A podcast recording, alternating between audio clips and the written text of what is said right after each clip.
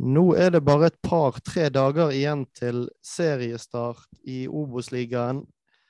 Og eh, Brann har eh, dratt litt uh, action ut av hatten denne uken. Vi har hentet én spiller og kvittet oss midlertidig med to av de, Anders. Hva, hvordan uh, føler du denne uken har vært nå i oppkjøringen til, til kampen borte mot Ranheim? Nei, alt har jo vært uh, strålende, sånn som jeg leser det. Med, spesielt kanskje de treningskampene som egentlig bare snudde, i hvert fall min eh, optimisme. Eh, jeg vet at eh, det er ikke alle som er like optimistiske som det jeg er. Men eh, nå tenker jeg det opprykk, og vi skal kose oss denne sesongen her. Og, eh, Castro var jeg, altså jeg var positiv før Castro kom inn. Eh, så det har vært en helt strålende uke, syns jeg. Har kost meg. Hva med deg? Uh, jo, jeg er jo som deg uh, veldig begeistret over utviklingen i treningskampene uh, i det siste. Og det var jo veldig kjekt at vi signerte en såpass habil og profilert spiller som, som, Niklas Castro. Litt mer usikker på utlånet, i hvert fall av, av Kolskogen jeg syns det er rart å leie ut en midtstopper når vi ikke har så mange midtstoppere. Det har vi gjort før. Eller da solgte vi faktisk en midtstopper. Men uansett. Um, men det ser bedre ut enn det gjorde for et par uker siden. Eller hva tenker du, Kristoffer? Mm, ja, det er i ferd med også å sette seg litt mer. Jeg er jo enig i at det har vært en veldig fremgang òg.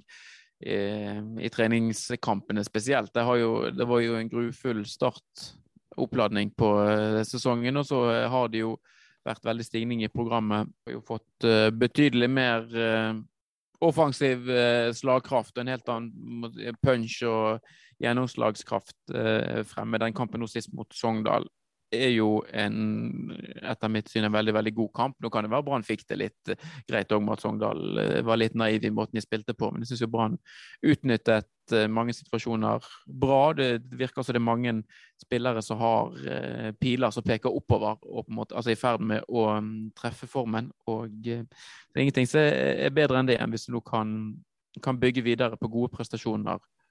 Um, og det, det, det, vil vi jo være helt avhengig av. Eh, og de, klart de vil heller ikke ha noen verdi, i disse treningskampene, hvis du nå rykker 0-2 eh, for Ranheim eh, på søndag og får sånn det heseblessing inn mot den Åsane-kampen. Men eh, at det lov å være mye mer optimistisk på Brann sine vegne enn hva vi var for kanskje bare tre uker siden, det, det syns jeg er helt eh, soleklart. Og så har det vært eh, noen, mye aktivitet på overgangs fronten i det siste, som, som dere var innom. Jeg uh, syns jo òg at uh, Castro er jo på en måte en, en overgang, så det uh, svinger litt av. Og sist Brann signerte en Castro når vi var i Obos-ligaen, så endte det jo godt, selv om akkurat ikke den Castroen med fornavn Alejandro gjerne hadde de mest markante bidragene. Han skårte vel jeg tror han ble matchvinner borte mot Bryne da når Kenneth Udjus hadde den der enorme kampen sin.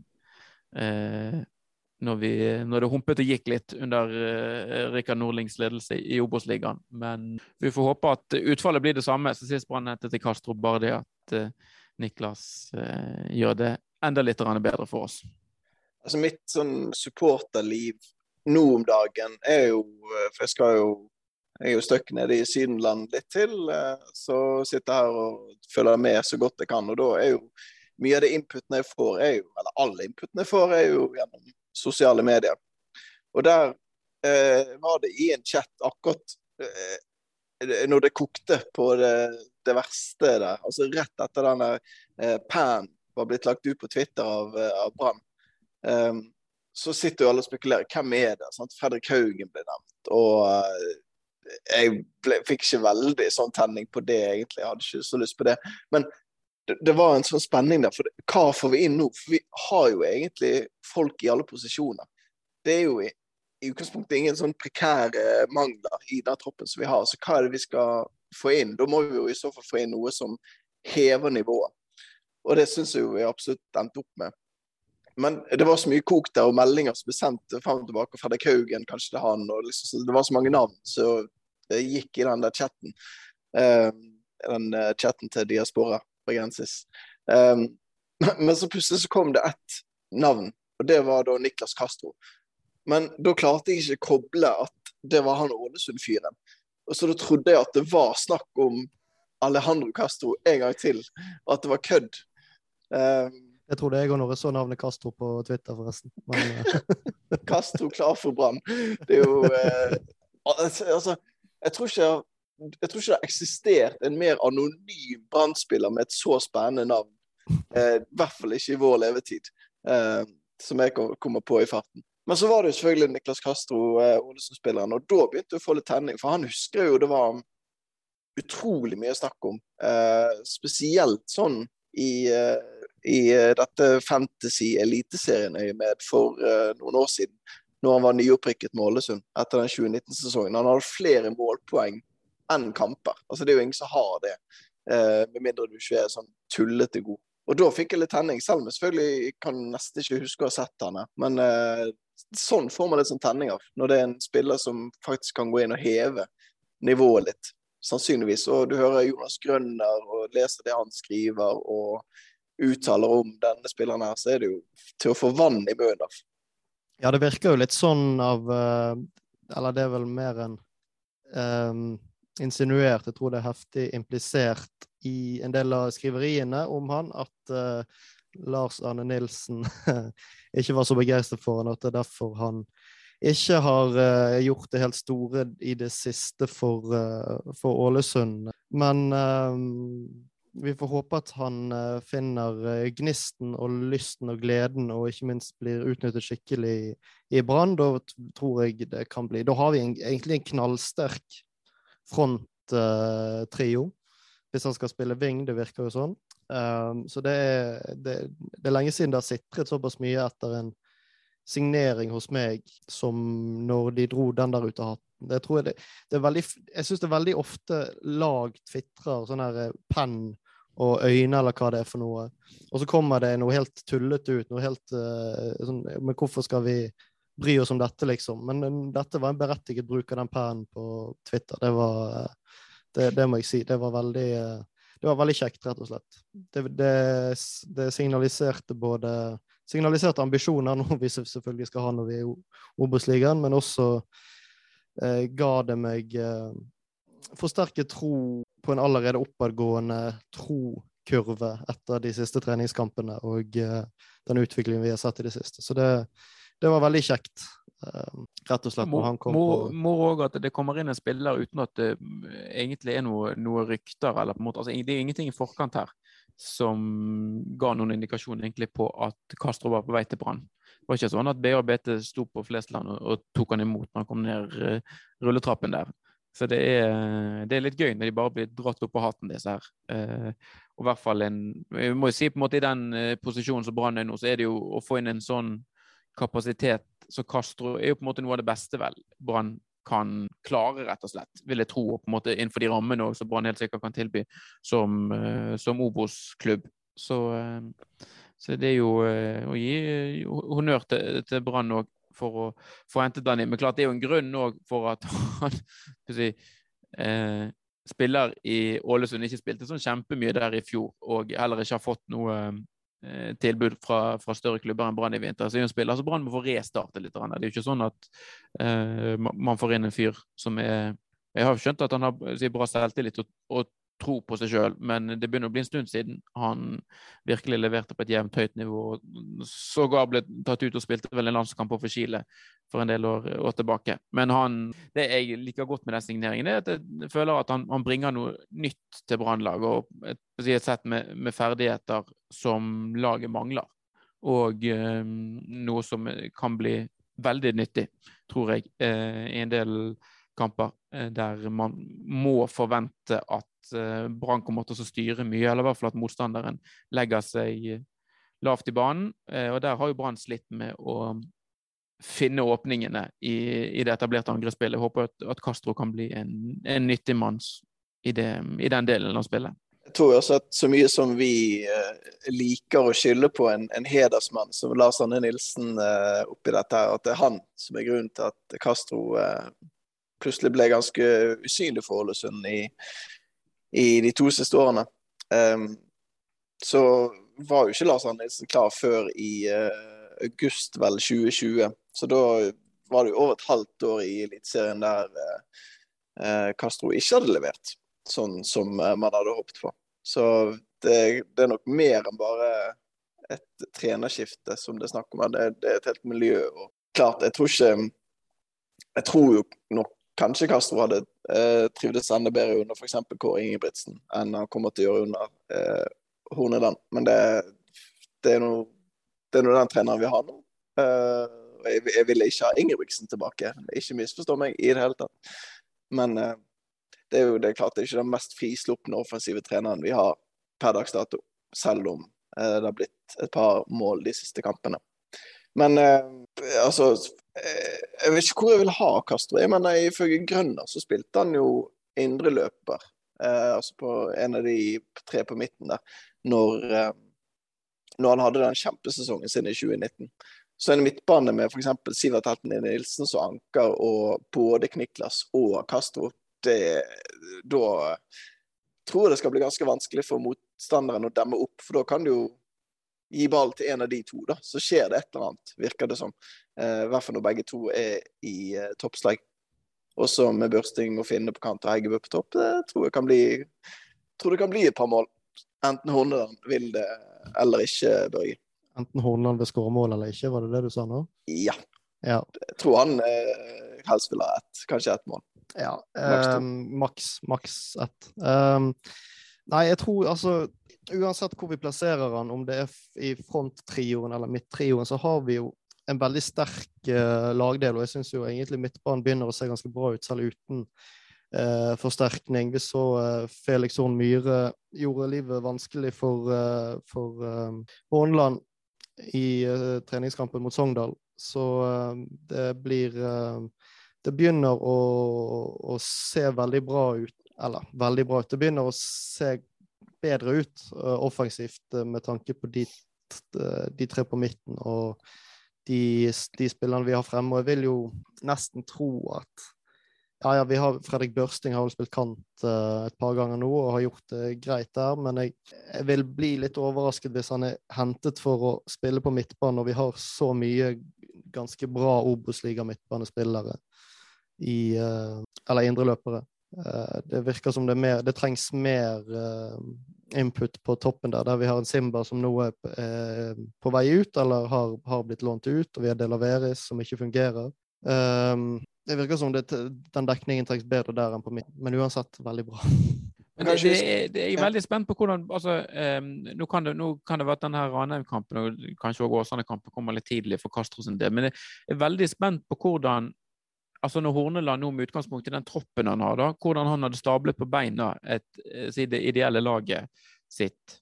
Um, jeg tror vi kommer til å få se ganske mange ulike konstellasjoner, og det, er aldri noe um, problem å ha mange gode, gode spillere. Men det, bare jeg syns det er vanskelig å sette sammen egentlig det aller beste. eller jeg føler sånn Bakover i banen og kanskje til og med opp til Sivert, så er det på en måte ganske gitt i mange eh, posisjoner, selv om kanskje venstrebekken nå kommer til å bli litt eh, skifta på. Men derifra og frem til mål, da kanskje bortsett fra Heggebø som gjerne skal spille en del, så syns jeg det er veldig åpent og veldig Der har Hornland veldig, veldig mye å velge mellom. Eh, og eh, forskjellige spillertyper og folk som, bringer forskjellige ting til en fotballkamp. Så jeg er veldig nysgjerrig på hvordan Brann kommer til å se ut utover i sesongen. Ja, men jeg tenker jo absolutt at det er en styrke. Eh, dette med å tilpasse seg motstanderen, det er jo Brann i aller høyeste grad i stand til nå. Eh, hvis eh, med, med, utgangspunkt i de forskjellige typene som man har, ut fra hvilken fotball man har lyst til å spille fra kamp til kamp. Så, og det å kunne hive innpå Mathias Rasmussen eh, eller Leikvoll Moberg eller hvem det nå enn måtte være de to ville jo, Hvis jeg skulle satt opp mitt drømmelag, så ville jo de vært på benken. og Tenk å kaste de inn i det 70. minutt, f.eks. Eh, helt kanon. Og i hvert fall meg eh, bidrar til min optimisme eh, i dette. Ja, Vi har jo sett tidligere at det å ha mange spillere ikke nødvendigvis har vært en uh, oppskrift på suksess for Brann. Det kan være vanskelig å få satt et lag hvis det si det hangler litt i de første kampene mot uh, Ranheim og Åsane, og så begynner han å skifte, og så får ikke han spilt inn uh, dette laget. Så jeg håper, jeg håper Horneland og co. og Huseklepp og resten av uh, gjengen har en klar formening om hvordan de skal gjøre dette her. Og at de, det virker jo som om I hvert fall virket det sånn i fjor, som om uh, Horneland setter veldig pris på kontinuitet og det å få satt et lag i, i formasjon. Eh, og vi har jo sett at eh, når man har byttet på på backplassen, venstrebacken, nå i vinter, så har det fungert ganske bra, fordi både Ruben Kristiansen og David Møller Wolfe har, har, uh, har, visst hvordan de skulle forholde seg i den, uh, i den, posisjonen. Så nøkkelen blir jo å kunne At relasjonene sitter, selv for spillere som ikke spiller hver kamp, sånn at de kan komme rett inn og, og, og gjøre en jobb eh, i samspill med de andre spillerne på laget. Eh, og det blir jo en Med en såpass brei tropp, så tror jeg det blir eh, en nøkkel. For det er jo, et, som du sier, en, kjempe en kjempefordel å ha en så brei tropp med gode fotballspillere, men det evner jo at uh, Eller det fordrer at, at Horneland og, og, de andre trenerne får til å spille inn alle disse spillerne sammen i, til enhver tid. Og det frykter jeg kan bli en, en utfordring, for det har vi sett skje før. Ja, Det er i hvert fall eh, bredden i troppen og begynner også å se bra ut. kanskje egentlig. Du, du nevnte Anders at du for så vidt ikke var så negativ til det Kolskogen-utlånet. Det er jo eh, eventuelt på stopperplass at det er litt eh, tynt, eller der man kan stille noen spørsmål. For én ting er at det Skovgård og Pallesen som har spilt der. Men jeg enig i det at uh, Pallesen har jo en viss skadehistorikk, og det er ikke alltid at kroppen hans Jeg tror ikke han skal regne med at han spiller og er tilgjengelig 30 kamper i året. Der er det både skader Vi må regne med at det kommer en, en karantene eller to inn der. Uh, Rune Hove vet vi allerede at er ute i løpet av en måneds tid til ennå. så skjer det noe på stopperplass, så må man jo nå begynne å rokere, da så er det jo en potensiell løsning med, med Ruben Kristiansen inn der. Men han gjorde det vel greit i en treningskamp som midtstopper Ruben Kristiansen. Så spilte han serieåpning mot Viking, eller hva det var, eh, og eh, gjorde det ikke så veldig greit. Så eh, det er jo på en måte helst å unngå det. Og med Kolskogen ute så har vi jo et mindre alternativ. Selv om jeg forstår behovet for det. det. er jo en helt absurd greie, egentlig at uh, Kolskogen, du er på en måte tredjevalg her. Eller vi, vi, leier deg ut til en klubb på nivå over vårt for at du skal få spilletid. Fordi at uh, vi som spiller på nivå to, har i utgangspunktet ikke så mye bruk for deg så vi ser at et lag på nivå én kommer til å ha. Um, men at det kan bli et nyttig utlån for Kålskogen, det tviler jeg ikke på. Men jeg har en liten mistanke om at Brann kommer til å trenge noen uh, flere ressurser på stopperplass utover i sesongen. At Kålskogen sånn sett kunne gjort en god jobb for Brann. Altså, jeg, det, det, er ingen som har gått glipp av at jeg har sagt at det var positivt til Kolskogen-utlånet. Det gjorde jeg av luften. Men vi kan ta det her også. For det, grunnen til at jeg er positiv til det, er jo at Det er jo, det er flere ting. Det ene er jo at han er jo per nå en uh, U-landslagsspiller som hvis han skal beholde den plassen og hvis han skal fortsette utviklingen sin, så må han ha spilletid. Og det tror jeg ikke han får eh, så veldig mye av i Brann i år, dessverre. Um, det, og, det, og du kan ikke, det, det, er greit nok at det er skadehistorikk og sånt, men du kan ikke belage deg på at en spiller skal få spille pga. at de foran han i køen skal eh, skade seg eller bli suspendert.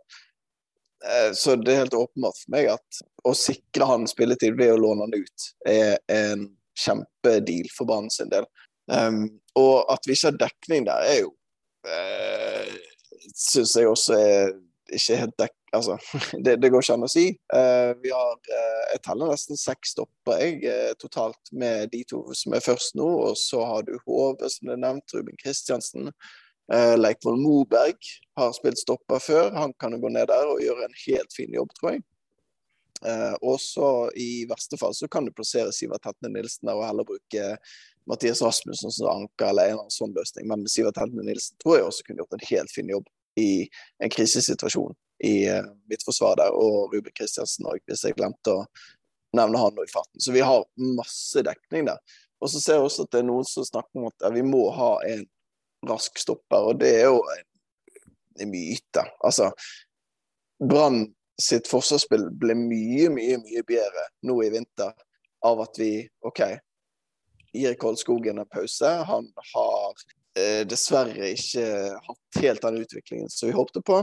Um, du ser det i mange av de treningskampene, de høydepunktene som jeg har sett, så er det han som er involvert i baklengsmålet. Og uh, det har vi jo sett i, i tellekamp òg, at det er han som ofte det er veldig enkelt å peke på han. Jeg fikk opp de der eh, uh, høydepunktene fra Jerv-kampen eh, på Facebook her, og jeg er jo sadistisk nok til at eh, jeg tenkte at det må jeg se en gang til. Eh, at at uh, denne Jerv-spilleren på det første målet der, får avslutte på bakerste stolpe. og det, det, Du har én mann å passe på der inne, Kolskogen, og innlegget kommer altså Ballen ligger på sidelinjen.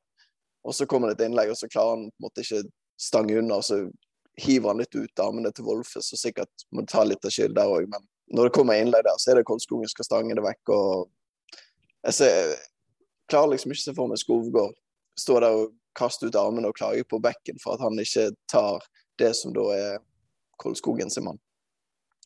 Så eh, at han, og bare det at han får spille i Eliteserien mot uh, de beste spissene vi har i Norge, og får masse kamptrening der, forhåpentligvis gjør at han eh, vokser som type og gjør ham bedre rustet til å uh, spille for Brann i 2023, som jeg absolutt håper at han eh, gjør. Det var Alle hadde litt på eh, hjertet der, eh, Anders. Har tenkt på dette en stund? Ja. Neimen, Er det noen motforestillinger, eller skal vi konkludere med at det er fint at uh, Kolskogen lånes ut?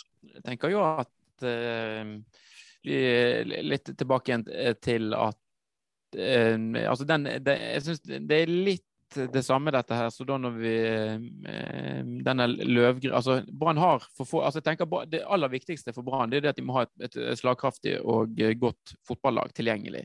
Og så er det på en måte personlige hensyn som må tas opp i. altså Hvor er det best for Kols, hvor utvikler Kolskogen seg mest? Og Her, er jo, her må jo vurderingen ha vært det at han får mer og bedre matching med å bli lånt ut til Jerv. Men det er jo ikke sånn at altså Branns fokus må jo være på å være best mulig rustet til å rykke opp i år. Ikke at Kolskogen kommer tilbake og er en bedre fotball. Altså, Brann må jo ha vurdert det dit hen at det går ikke på bekostning av et eventuelt opprykk å leie ut Kolskogen til Jerv. Det er, jo, det er jo, den hovedvurderingen som Brann eh, må gjøre her. Eh, og jeg bare jeg husker jo òg altså i fjor, når man gikk inn til seriestart Det er jo litt av det som gjør at jeg er litt sånn skeptisk til dette.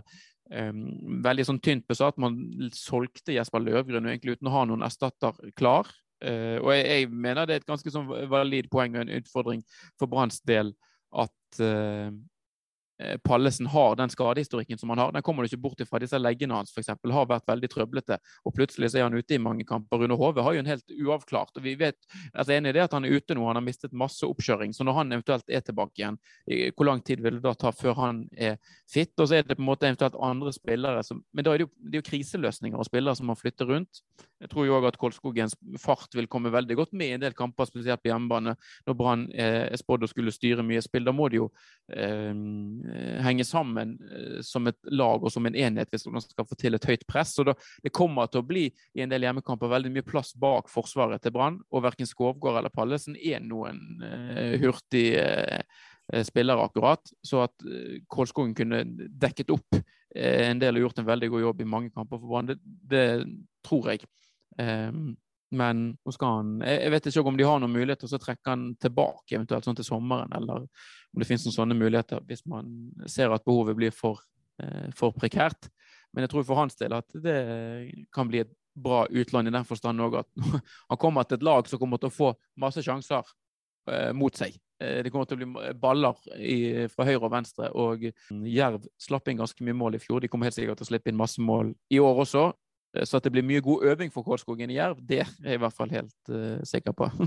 ja, nei, med tanke på det med å styre kamper sånn, så vil jeg nesten Hvis jeg tenker at Pallesen skal spille uansett, så vil jeg av det jeg har sett nå, så vil jeg heller ha Skovgård, fordi at han er, ser ut som en midtbanedirigent med ball i beina. Så at han kan styre spillet på en bedre måte, det føler jeg meg ganske sikker på, sammenlignet med Kolskogen. Jeg føler meg mer trygg med Skovgårde når vi skal styre kampene. Og så selvfølgelig, hvis det kommer en kontring mot, så har vi jo nå en eh, sweeperkeeper i Dyngeland som eh, I hvert fall den eh, det, det jeg har sett av treningskamper, så har han vært ute og plukket litt. Og de gangene det kunne blitt skummet fordi at vi har to relativt trege stoppere nå.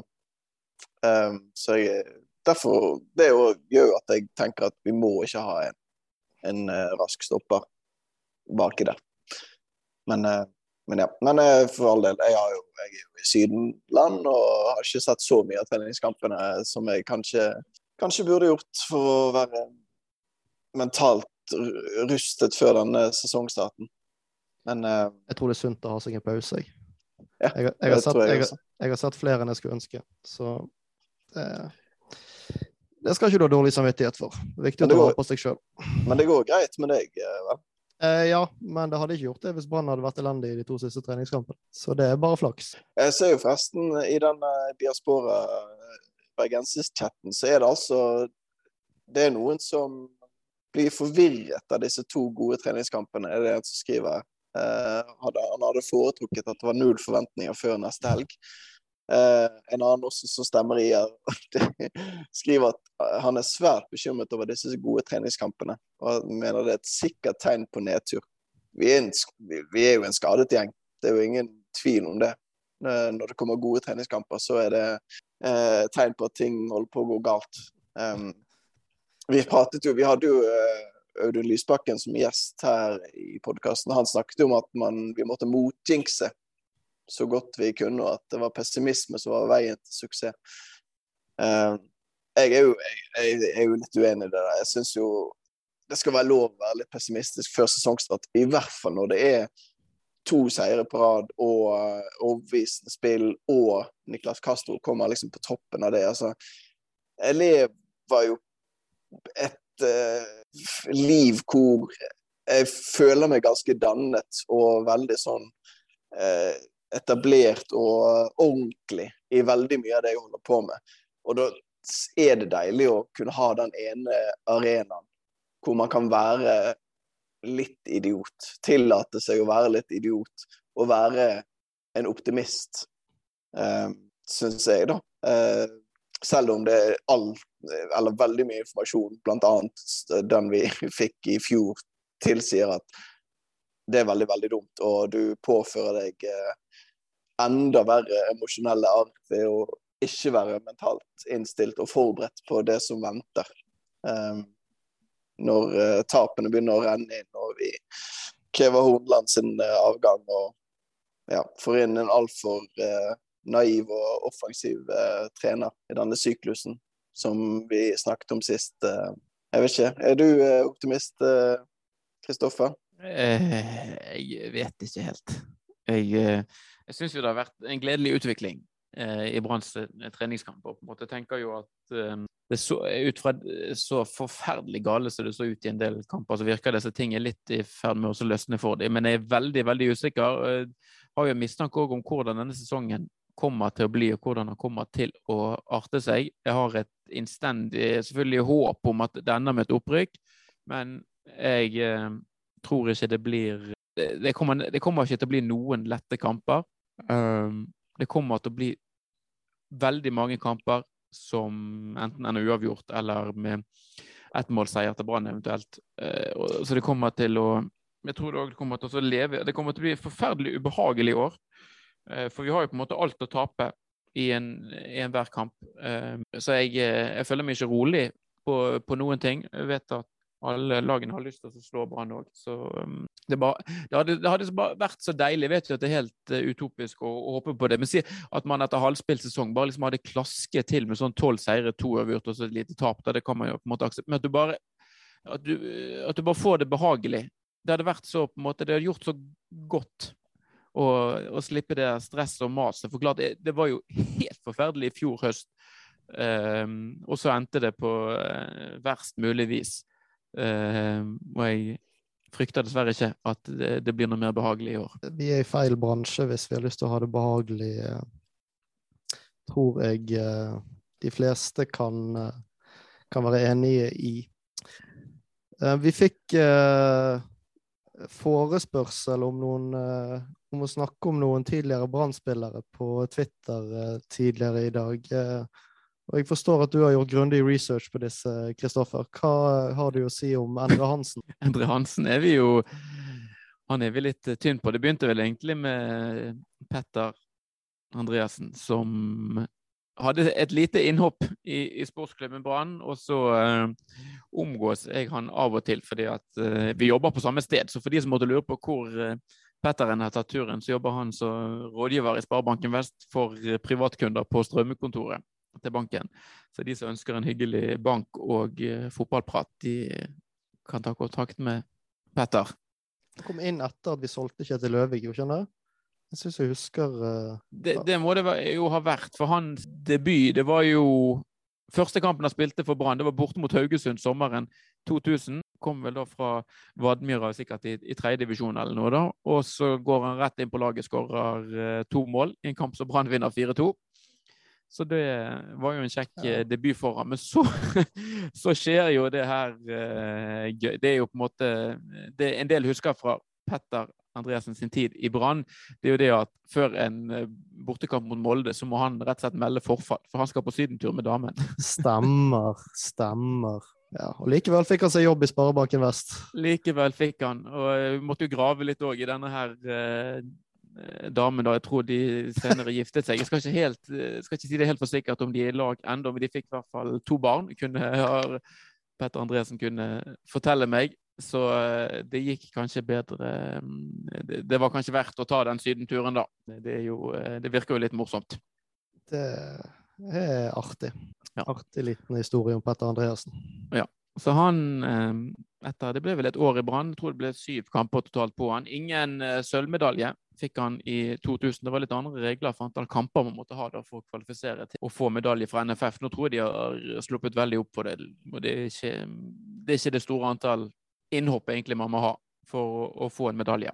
Men eh, et, noen eh, viktige bidrag hadde han jo. Altså De her eh, to målene som han skåret i den bortekampen mot Haugesund, var jo sammen med alle, mange andre mål eh, den sesongen avgjørende for at det endte med sølv og en kjempeopptur.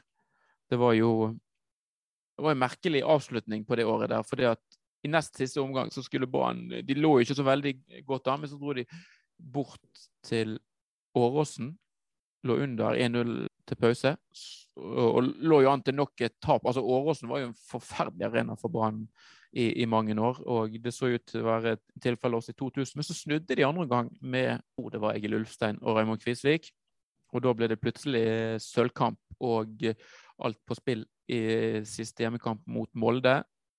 Og fullt hus selvfølgelig på Brann stadion. Og eh, radarparet på topp med Torstein Helstad og Asa Karada, som skårte to mål hver og 4-0-seier til Brann. Det var min første kamp på Store Stå. Jeg hadde gangsperr i leggene i en uke etterpå, for jeg var ganske liten, så jeg sto på tær i to timer. Men det var, det var en helt utrolig kjekk uh, utrolig kjekk Store Stå-debut, den uh, kampen der jeg uh, husker Hvor mye jeg husker, vet jeg egentlig ikke, men det var i hvert fall Ja. Det, var kanskje da jeg ble frelst sånn skikkelig. Når eh, Assa skåret to og Torstein Hessa skåret to, og vi tok, vi tok sølvet på oppløpssiden.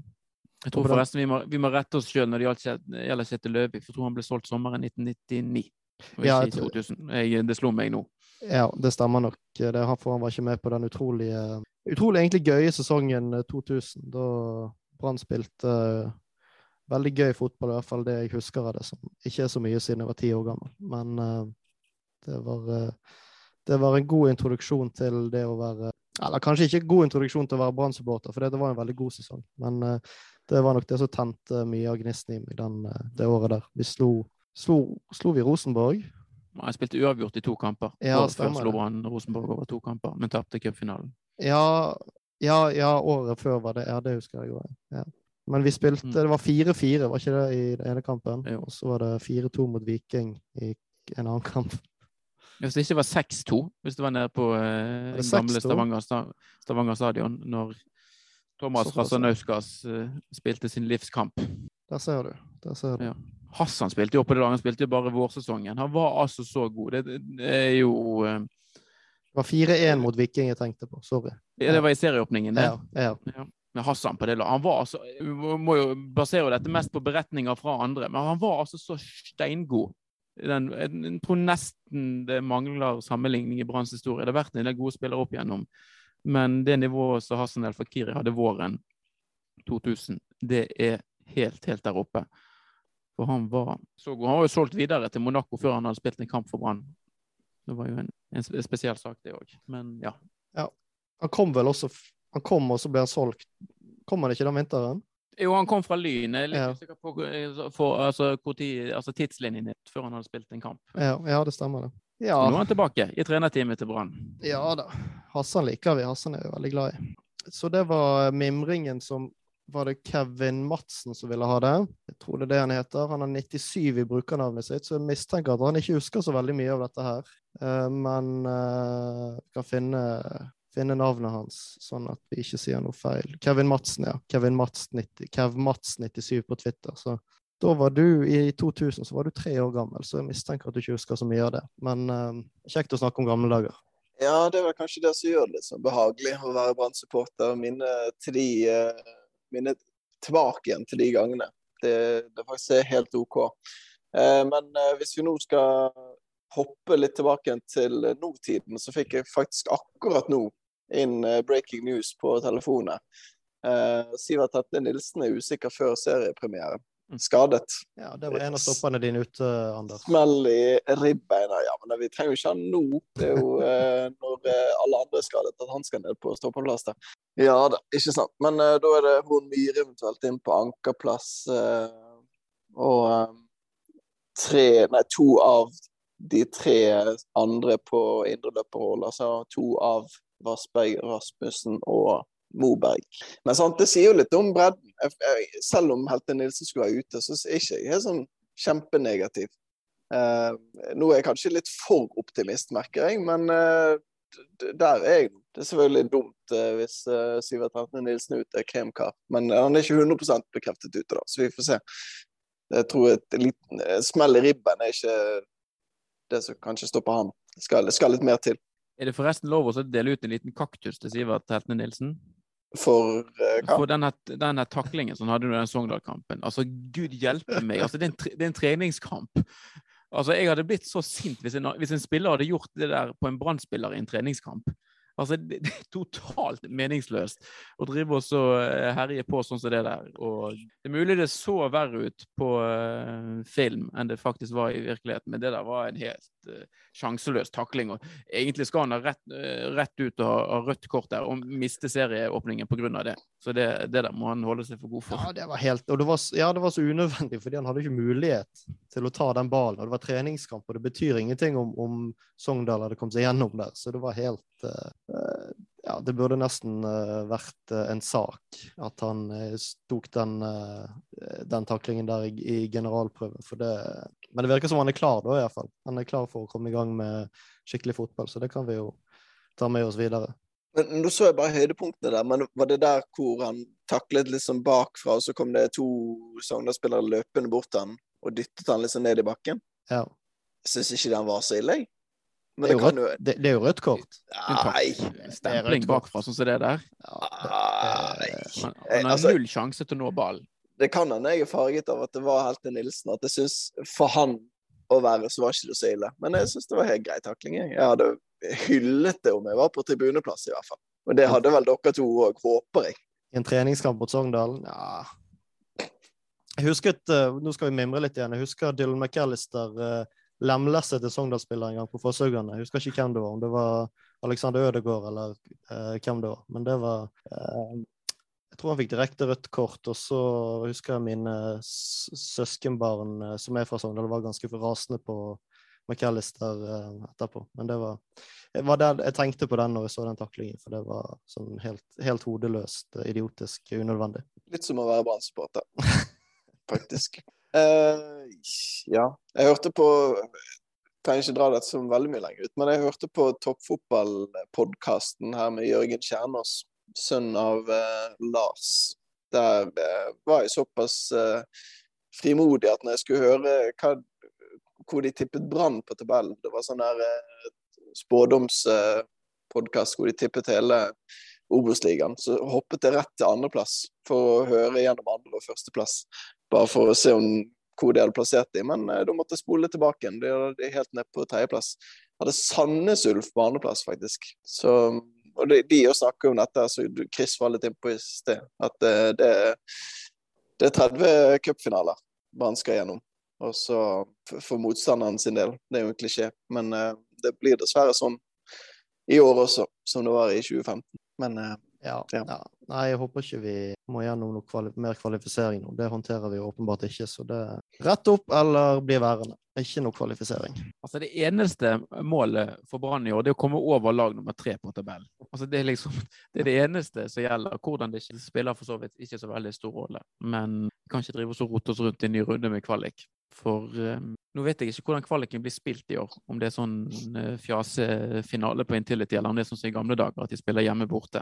Men Jeg tror mener opprinnelig at det skal være hjemme borte, men at det har mm. blitt sånn koronaløsning pga. dårlig tid de to siste uh, sesongene. Uten at jeg skal si det 100 sikkert. Nå er jo sesongen i år er jo ferdig ganske tidlig.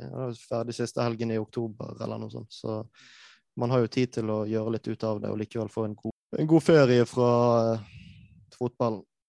Jeg vet ikke, Det er vel et verdensmesterskap som kommer opp i Qatar etter hvert, uh, som gjør at de må slutte av litt tidlig. Kan vi forresten inn litt, legge inn litt uh, skryt til vår uh, fotballpresident. Sto på podiet under denne kongressen. Omtalte Fifa og tildelingen på en måte som jeg tror de ikke er vant til å bli snakket til. Og når hvis Fifa-presidenten og eh, Qatars eh, VM-sjef hvis de blir fornærmet og mutt, så har man gjerne gjort og sagt en del ting riktig. Så uh, all skryt til Lise Klavenes for, uh, for tydelig tale. Det er ikke ofte vi skryter til NFF i denne podkasten, men det, det er ikke ofte. Jeg tror det var premiere faktisk i løpet av de seks, eh, seks sesongene dette har ikke vært. Men dette tror jeg faktisk det er godt mulig at jeg, jeg tror Lise Klavene stiller seg 100 bak det. Men grunnen for at det skjer, det var jo det at jeg tror det var mm, den uh, flotte sportsklubben Trane som hadde et forslag på forrige fotballting uh, hvor de påla Fotballforbundet å kjefte på Fifa mm. og eh, Qatar-tildelingen spesielt. Egentlig ved enhver anledning. Eh, og det forslaget ble jo banket gjennom. Så altså, viktigheten av eh, hva skal jeg si, demokrati og at man involverer seg eh, i, på fotballting og i fotball i Norge, den kan på en måte ikke undervurderes. Så her ser man faktisk et glimrende eksempel på, på, hva som kan skje da. Absolutt, absolutt. Det, vi har sett mange eksempler på det det siste året, i, både i vår lokal sportsklubb, men også på på fotballtinget, og ikke minst kulminasjonen av den på, nede i Qatar nå. Veldig bra. Men vi må jo eh, jeg tenker vi må komme med en spådom på hvor eh, Brann kommer hen. Nå begynner faktisk, eller hvor de havner på tabell, for nå begynner jo nå begynner serien på søndag. Vi må få et tall mellom 1 og 16. Ja, jeg hadde ikke planlagt å si dette, men eh, når den Castro sine ramlet inn, så satte penger på at Brann skulle bli nummer én i Obos-ligaen 2022. Men det er jo elendig å ha det på tape og ha sagt det, men uh, sånn er det nå. Jeg vurderte å sette penger på at Sogndal skulle rykke ned etter den kampen mot Brann. For jeg ble veldig bekymret over hvordan de fremsto mot dette middelmådige fotballaget fra her i byen. Når vi snakker om gambling. Nei, jeg tror Jeg har ikke lyst til å si noe. Jeg, jeg sier andreplass, jeg. jeg. Jeg orker ikke eh, at vi skal havne på kvalik, og jeg orker i hvert fall ikke at vi ikke skal rykke opp, så jeg sier andreplass. Hva sier jeg fjerdeplass, bare for å ha sagt det? Ja, men da eh, har vi vært gjennom eh, mye eh, greier i den eh, podkasten. Nå er det start, sesongstart, altså ikke klubbens start, på søndag. Neste eh, helg er det hjemmekamp mot Åsane. Det er Ove Tuemarsj fra som eh, veldig mange gode krefter har klart å organisere til tross for å bli heftig motarbeidet av NFF. Det vil vi anbefale alle som har tenkt å gå på stadion, og det håper vi alle har tenkt til, å være med på. Det begynner i Solheimsviken med litt opplegg og litt uh, eh, DJ og kom komikk og uh, det ene og det andre. Og så skal vi gå fra Solheimsviken til stadion og koke både på veien opp og på stadion. Og mane inn et seier i lokaloppgjøret mot uh, erkerivalene våre fra Nordre bydel. Det tror jeg kan bli veldig gøy, selv om selve kampen blir sikkert ikke noe særlig. Så kan det bli en bra dag å være å være Brann-supporter.